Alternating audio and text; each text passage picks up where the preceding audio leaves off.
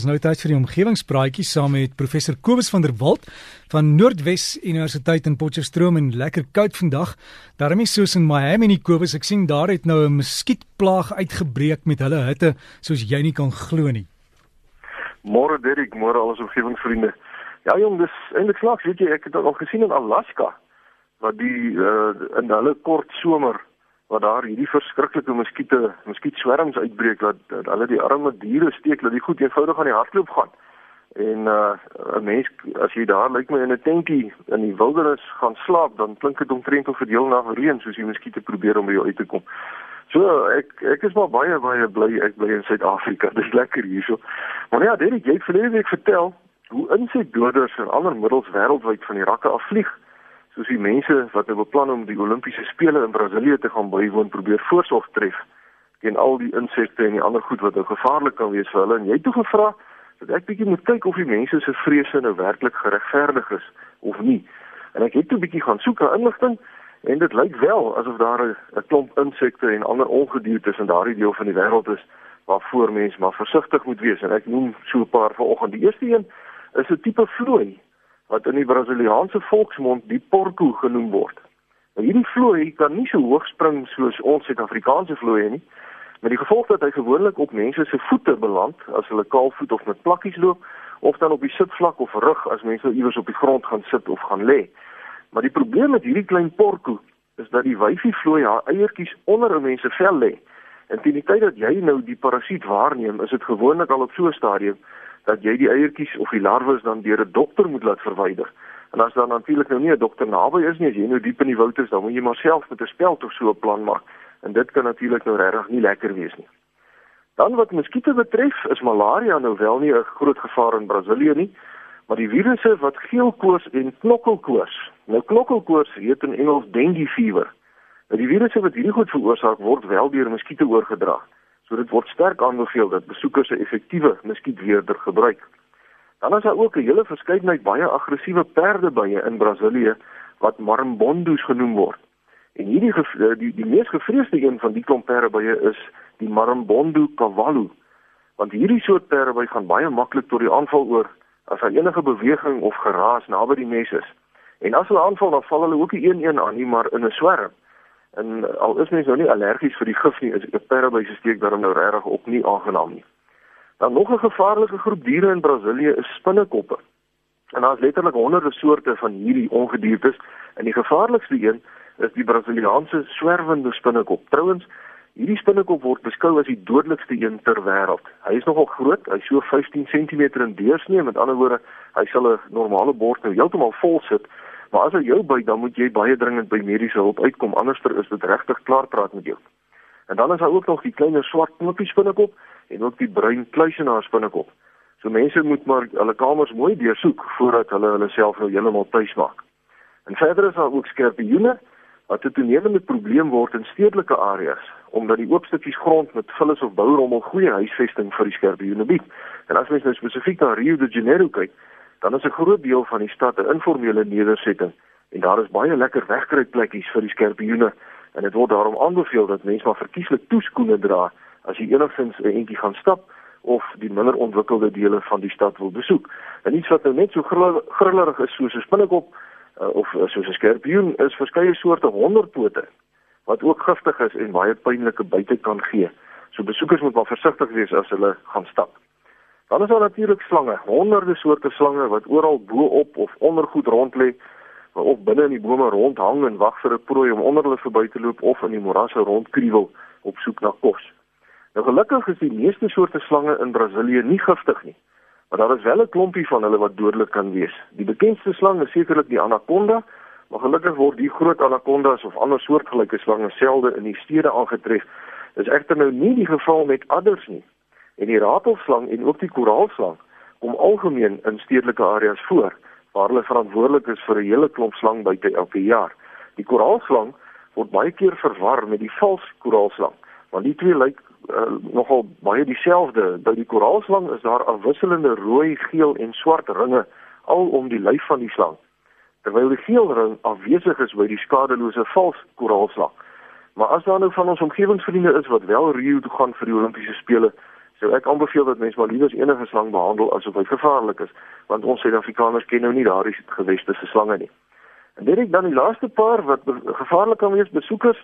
Vir besoekers is uh, eers net die capuchin aap wat algemeen in die stede voorkom en soms aggressief kan optree en mense 'n pynlike byt kan toedien as hulle agter kos aan is. In die buites uh, kan hulle natuurlik ook verskeie siektes oordra. So mense moet maar liewer nie die apies probeer voer nie. En dan is daar verder omtrent 500 spesies bloedsuiers in Brasilië. So mense moet maar liefs nie in enige natuurlike poele water of in riviere gaan swem of selfs net deur 'n stroom loop as hulle nou in die tropiese woude 'n entjie wil gaan stap nie. Hierdie bloedsuiers is nou wel nie lewensbedreigend nie, maar hulle kan nogal ongemaklik wees.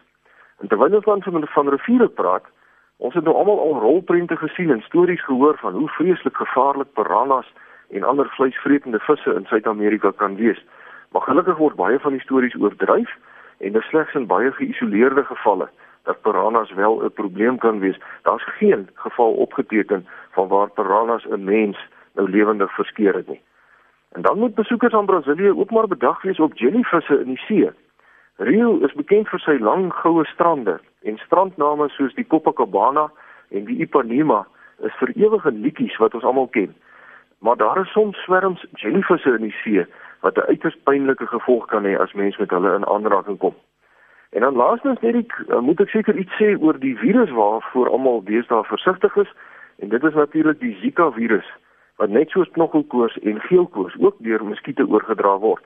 Maar in die geval van die Zika virus is die spesifieke soort muskiet wat die virus oordra net bedags aktief. Met ander woorde die kans dat 'n Zika draande muskiet jou snags kan bykom is uiters skraap. En hierdie feit beklemtoon die noodsaak dat besoekers 24 uur van elke dag maar voorsorg moet tref teen muskiete. Dit is interessant dat die Zika virus ook uit Afrika afkomstig is, net soos baie ander gevaarlike virusse en siektes soos byvoorbeeld Ebola. Die Zika virus kry sy naam van die Zika woud in Uganda waar die virus die eerste keer in 1947 al waargeneem is. Nou by volwassenes veroorsaak die Zika virus slegs geringe simptome soos bietjie koors of kopseer, maar die groot gevaar is natuurlik dat die virus van 'n verwagtende moeders na al ongebore babatjies te oorgedra kan word en die kindjie loop dan die gevaar om met ernstige breinafwykings gebore te word omdat die skedeltjie van so 'n babatjie verklein is. Die Amerikaanse Sentrum vir die Beheer en Voorkoming van Siektes het in Januarie verjaar 'n waarskuwing uitgereik dat besoekers aan die Olimpiese spele baie deeglike voorsorgmaatreëls moet tref teen Zika-draande muskiete en dat swanger vroue liefs daardie deel van die wêreld moet vermy tot verdere kennisgewing. So dit is die feit dat mense reg oor die wêreld nou muskietweerders en muskietnette en allerlei goed koop om hulle self te beskerm as hulle nou na die Olimpiese spele toe gaan, is dink ek wel geregverdig. En daarmee sluit ek af vir oggend. Omgewingsvriende, u kan gerus vir my skryf by kobus.vanderwalt by nwu www.ac.za of u kan meer inligting kry op omgewingspraatjies se Facebook bladsy.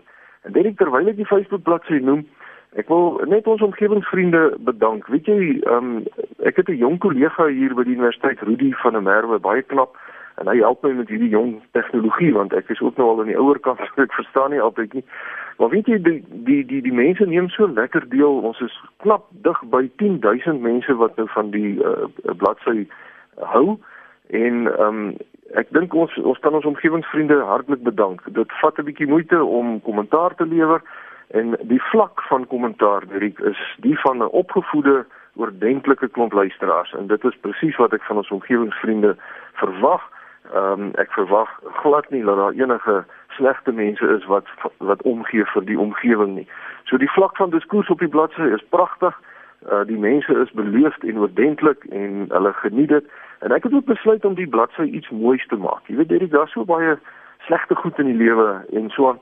Ehm um, so ek het ek het besluit ek wil hierdie bladsy met mooi foto's en mooi natuurtonele en en goeie nuus vir die omgewing en so aan wil ek graag uh, aan ons mense bekendstel. En uh, baie baie dankie vir almal wat so wat so lekker deelneem aan die bladsy. En as u wil uh, laat weet al u vriende ook dat ons dit weier bekendstel want daar is regtig soveel goeie omgewingsnuus waaroor ons opgewonde kan raak. En uh, en daarmee weer ek sê ek kom ons hou duime vas vir die leeu's vanmiddag.